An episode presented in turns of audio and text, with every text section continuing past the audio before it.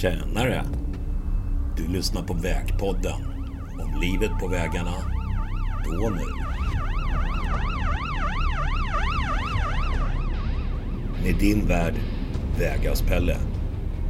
Varmt välkommen.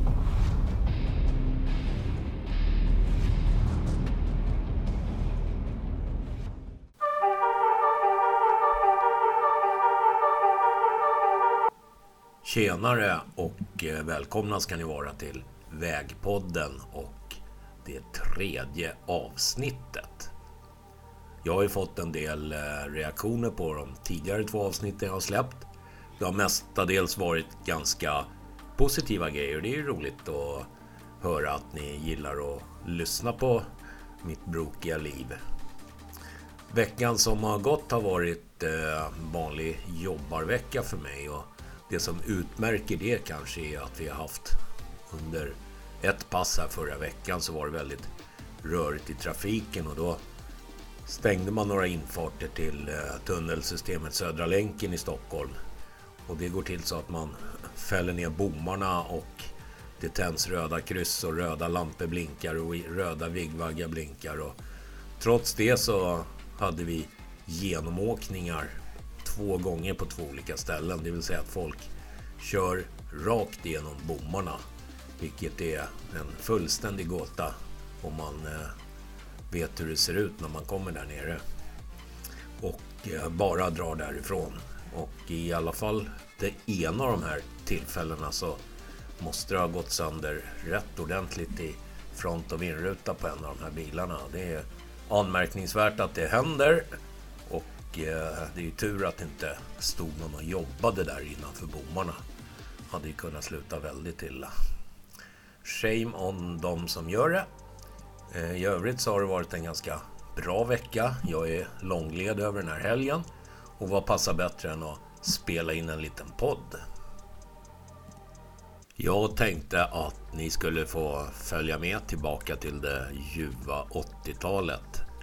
Som bekant eh, så körde jag bergare på den tiden. På bärgningskåren. Jag körde en skeva med mullrande V8. Radionummer 162. Och det mesta på den här bilen var manuellt. Det var inga fjärrstyrningar och sådana där finesser utan det var old school hardcore hårt jobb för att bärga bilar på den tiden. Det här avsnittet heter Kartblad 74. Ni som vet, ni vet. Och ni som inte vet så anspelar det på Taxikartan sida 74 som är ett kartblad över de västra förorterna Rinkeby, Tensta och Hjulsta.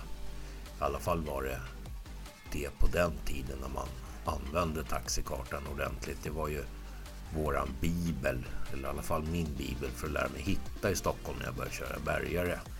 Det var ju andra tider då och eh, för er som inte har varit med på de tiderna ska jag förklara lite hur det gick till och vad man jobbade efter för förutsättningar vad det gällde kartor och kommunikation. När jag började köra bergare i mitten på 80-talet då hade jag inte ens mobiltelefon eller ens. Det var väldigt exklusivt. Det började komma med eh, såna här NMT-telefoner men jag hade inte fått någon i bilen. De var väldigt dyra inköp och även väldigt dyra att ringa i. Det kostade per minut. Och eh, jag vet många som hade fruktansvärt höga mobilräkningar som eh, pratade i telefonen typ hela dagarna. Det kunde lätt gå upp till 30-40 000 kronor per räkning om man inte tänkte sig för. Så vid den här tiden så kom ju således ut alla jobb uteslutande över kommunikationsradio. Och eh, det fanns inte så väldigt mycket egna jobb. Och det var svårt att ha egna kunder när man var ute i bärgaren och körde hela dagarna. Ville man ringa då fick man springa in i någon tobaksaffär och låna luren eller ha en rulle enkronor i fickan så man kunde kuta in i någon av alla telefonkiosker som stod på stan. Det var ju så det funkade på den här tiden och man hade en personsökare kopplad till kommunikationsradion som började pipa. Eh, så man kunde sitta på något, käka lunch eller fika någonstans och sen så när det pep i den där då visste man att larmet hade sökt den och man fick kuta ut och rycka micken där och ta emot sitt uppdrag. Och nere på Sankt Eriksgatan låg eh, restaurang Dalastugan. Den låg eh, strax nedanför Vanadisplan och på den sträckan som börjar närma sig Norra Stationsgatan.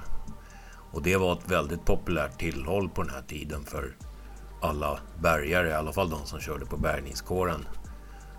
Det var många som var där och tog morgonfika, ostfralla och kaffe. Och det var väldigt goda luncher där tyckte jag, så här god husmanskost. Eh, med dagens mått mätt så var det väl helt förkastliga menyer men på den tiden var det gott och då hade ju larmen givetvis telefonnummer dit så de, de ringde ju bara dit och så skrek restaurangägaren där inne bara 162, det var telefon så fick man kuta dit och få sitt jobb. Sen gjorde mobiltelefonerna intåg och så småningom kom ju den första bärbara mobiltelefonen. Jag kommer ihåg en åkare som kom in på Dalastugan. Han hade köpt en Mitsubishi vill jag minnas att det var. Och den låg i prisrangen runt 30 lax på den tiden. Ohyggliga pengar men det gav ju en enorm frihet om man var åkare och kunna börja marknadsföra sig själv. Det var ju där någonstans det startade. Eh, och sen har ju det bara accelererat till kanske vad det är idag egentligen med väldigt många olika aktörer. Den här eh, bärbara mobiltelefonen den vart ju snabbt benämnd som Juppinalle. Och det var ju 80-talets livsstil i sitt esse. Om man var framgångsrik i storstäderna på den här tiden så var man ju en yuppie och det var ju en svensk eh, svenskifiering av den amerikanska livsstilen. En yuppie som stod för Young Urban Professional. Man eh, hade dyra kläder, man åkte dyra bilar. Porsche den eh, gick ju under namnet Bushmoppe och liknande. Och eh, man såg i många tv-serier från USA på den här tiden hur bland annat då Miami Vice som gick med Don Johnson bland annat. Med de här sköna kläderna, musiken, bilarna. Vem har inte drömt sig bort att man gled nerför Sunset Boulevard i en vit Merca 500 sel med den här karaktäristiska V-formade TV-antennen på bakluckan. Skinninredning och någon jättestereo från Pioneer. Erkänn att ni också tänkte de tankarna, ni som var med på den tiden. I början på 1980-talet då kom MTV i USA. En eh, tv-kanal med rockvideor som nog förändrade världen. Eh, den första videon var Video Kill the Radio Star och den andra videon vill jag minnas var en av mina favoritartister, Pat Benatar. Eh, I Sverige kom den några år senare, eller i Europa. Den, den första videon som visades på den kanalen, det var med mitt favoritband alla gånger. Mina husgudar Dire Straits. Money for nothing. En låt som är jäkligt bra än idag. Och det visade livsstilen, bilarna, kläderna, frisyrerna. Ja, good times, good times. Eh, och då vart det ju så här att eh, hade man en bärbar telefon så var man ju nyrik, tyckte ju väldigt många.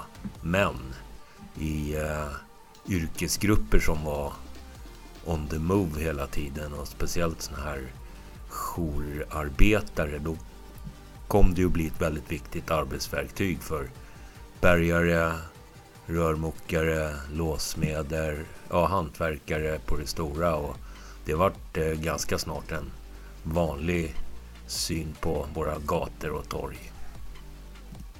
De här eh, bärbara lurarna, de var ju väldigt bra för att kunna snappa upp eh, samtal i flykten och sådana saker. Men vad de inte kunde, det var ju att vara smarta på något sätt. Det fanns inga appar, det fanns ingen internet, det fanns inga kartor, ingen GPS. Utan eh, man fick förlita sig till andra verktyg när man skulle ta sig någonstans runt i stan.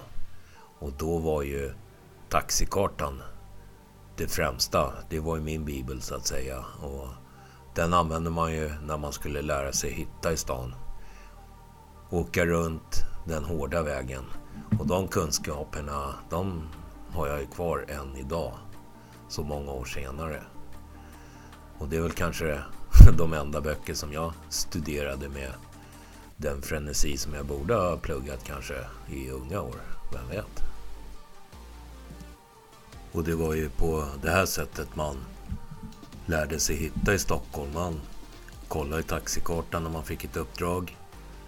Spanade ut vilken väg man skulle åka ut till en eventuell förort. Tog fram taxikartan igen. Kollade vilken gata som gick in var. Och sen var man framme. Och det här pågick ju, det var en daglig sysselsättning. Man hade ju rätt mycket uppdrag. Man hade tre, fyra jobb en dag. Man hade fem, sex jobb en annan dag. Man kanske hade tio jobb en vinterdag. Så man samlade ju snabbt på sig uppdrag. Tio jobb blev till hundra, som blev till tusen, som blev till ännu flera tusen rätt fort. Och till slut lärde man sig ju hitta och eh, eventuellt då så kom man till en punkt när man åkte runt på vilken gata den hamnade på så hade du varit där och bärgat förut. Och till slut så satt ju kunskaperna. Sen kunde man ju åka ganska snabbt och började hitta genvägar och då gick ju allting mycket fortare. Och det är ju så med alla yrken idag. Man kan plugga teoretiskt hur mycket man vill men det är ju när det är boots in the ground och man får mil i ryggen. Det är då rutinen kommer med allting. Det är ju som att man måste lära sig krypa innan man kan lära sig gå, innan man lär sig springa, innan man trillar och får gräsfläckar på knäna på skolavslutningen. Det är ju så det funkar i livet, både då och nu. Ja, där fick ni en liten inblick i 80-talet och det var ju en ganska lång utsvävning om hur taxikartan funkar. Men eh, vad hände då den där kvällen på Kartbad 74? Ja, nu börjar vi närma oss pudens kärna här. När man kör eh, skeva bergare då får man ju alla de här uppdragen där fordon står trångt ute i skogen, inne på gårdar och framförallt i garage och p-hus där det är lite lågt i tak. På gott och ont. Det är ju en del jobb som är väldigt krångliga. Garagen är ju... Med, idag är de ju betydligt mindre och det är trångt. Bergarna blir större och större. Det är svårt att komma in och komma åt. Och det var det väl även på, på den tiden. Och det här uppdraget jag fick det var en eh, stulen bil som eh, stod i ett p-hus på Krällingegränd i Tensta. Den eh, går parallellt med Hjulstavägen som på den tiden var E18 alldeles bredvid Spånga kyrkväg. På den här tiden så eh, stod polisen ofta kvar när de hade hittat stulna bilar som inte skulle bli omstulna. Men just den här bilen bedömde man inte skulle kunna komma någon vart eftersom den var ganska slaktad när de hittade den. Så de hade lämnat. Och när jag kommer fram till platsen då rör det sig en massa människor runt den här bilen och skruvar av grejer. Så att jag backar tillbaka. Jag vill inte gå in där och rota. Det är ju eh, sent på kvällen där. Och eh, jag backar ut och tar kontakt med polisen då så ska skicka lite hjälp till mig då. Och eh, under tiden då så ger de så här människorna iväg som stod och skruvade på den här bilen. Så när polisen kommer då säger de bara så här att vi, vi håller oss i, i närheten här så vet vi att du är här inne. Så jag rullar in med bärgaren och börjar stöka och böka. På den här tiden så var det ju yxiga grejer att jobba med jämfört med idag då, så att jag fick ju hålla på med pallbockar och grejer för att bygga dollyvagnar. Och jag står ju, när jag väl har gjort det, då står ju bilen låst där inne tills jag är klar och kan rulla ut. Och stå här inne i de här eh, parkeringshusen här ute i, i Västerort, det är inte jättekul sent på kvällen. Det är inte världens roligaste miljö om man jobbar på så gott man kan och har sinnena på helspänn ifall det skulle komma någon. Eh, jag hör ljudet av en, en bil som kommer in i en ganska hög fart in i, i det här P-huset och den tvärbromsar precis bredvid mig när jag håller på. Och ut hoppar det en kille som, som satt på passagerarstolen på höger sida rundar den här bilen som var en, en Volvo och kommer fram till mig och när han är ett par meter ifrån mig då drar han upp ett vapen och riktar mot mig. Och jag fryser ju och blir ju helt stel som en kanin som ser en pytonorm. Själv håller jag ju i eh, skaftet till eh, en garagedomkraft som jag har använt för att lyfta upp bilen som jag håller på att ska bärga. Och jag inser ju snabbt att Don't bring a domkraftskaft och gunfight. Så att jag blir ju stående där och jag är ju inne i ett hörn i det här garaget. Jag har ingen möjlighet att komma någonstans. Att, och han står och siktar på mig och vi står där och tittar på varandra. Och sen rätt vad det är så vänder han sig om och så hoppar han in i bilen och den sätter full fart vidare in och upp i P-huset då som hade våningar över det våningsplan som vi stod i. När den här bilen då hade försvunnit upp i garaget så jag kastar mig in i bärgaren och lägger i driven och bara kör ut. Och den här stulna slaktade bilen den hade jag ju lyft upp och kättat fast så den åkte ju med på underredet ut men det tänkte inte jag på. Jag hade ju min puls var ju uppe på rött på varvräknaren så jag bara gasar ut ur det här P-huset samtidigt som jag rycker micken till komradion och ropar liksom förtur, förtur, jag har blivit pistolhotad. Och och larmcentralerna ringer till polisen. Under tiden det här händer då så kommer det här gänget som och människor som var vid bilen när jag kom första gången. De, de kommer tillbaka här för att kolla om bilen står kvar och kusten är klar att skruva bort det de höll på att skruva bort av någon konstig anledning. Så de rullar också in på platsen och det var ju inte otrevlig stämning mellan dem men det blev ganska otrevlig stämning mellan dem och polisen för det kom ju in polisbilar från alla håll och kanter där och hela det där gänget kommenderades ner på backen och fick ligga där och tugga grus. Och de, de fattade ju nog inte alls vad det handlade om. Eh, och det var ju lite komiskt i sig. Tänkte jag efter ett tag där. Och jag vill eh, minnas att de här eh, personerna som hotade mig med vapen där då, de var inblandade i något rån där ute i, krokarna. Så det var ju ganska full jakt på dem. Det var väl därför de var så adrenalinstinna där. Hur de kunde tro att jag var inblandad i den jakten, det är ju en gåta i och för sig. Men jakten drog igång ordentligt där ute då. de var ute och spårade med hund och på Järvafältet och jag vill minnas att de grep de här nere på E18 nedanför Tensta lite senare. Där fick de ligga och tugga grus berättade en av poliserna där när jag eh, stod och pratade med dem. Så att eh, det lugnade ju ner sig uppe på Krällingegränd. Det tog dock väldigt lång tid innan det lugnade ner sig i mitt nervsystem den kvällen. Och efter den här eh, händelsen så hade man ju lite olust inför att åka och jobba i de här områdena. Men det där var ju en enskild händelse. Det var ju inte hände ju inte så mycket farliga grejer där ute för oss. det var inte direkt någon som gick på oss även om det var mycket stök och bök där ute i de här områdena som var en del av miljonprogrammet där som byggdes på 60 och 70-talet. Och det hände ju rätt mycket grejer där vi varit inblandade i och bärga stulna bilar och beslagtagna bilar och rena med andra motorcyklar och bilbränder samt alla trafikolyckor som var ute på E18 och det var ju en annan sträckning än vad det är idag med massa korsningar. Jag vet ju E18 korsningen Spånga kyrkväg bredvid Skällmacken som låg där. Det small ju på daglig basis rätt ordentligt där ute så vi var ju där och jobbade ofta. Men efter den här händelsen så, så hände ju inte mig någonting mer allvarligt där ute. Jag vet andra kollegor har ju liknande erfarenheter av olika saker där ute genom åren. Därav att vi kallar det här kartblad 74. Det är lite så här öknamn på hela det här området i bärgarbranschen från oss som var med på den tiden i alla fall.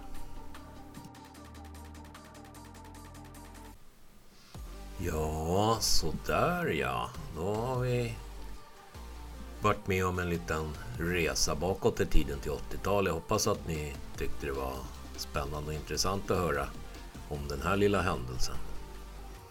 Tack för att ni lyssnade. Vi hörs nästa gång. Kör försiktigt. Ha det bra. Hej då.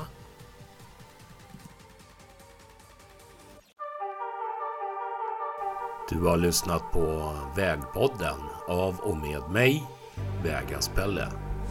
Tack för att du lyssnade. Vi hörs i nästa avsnitt.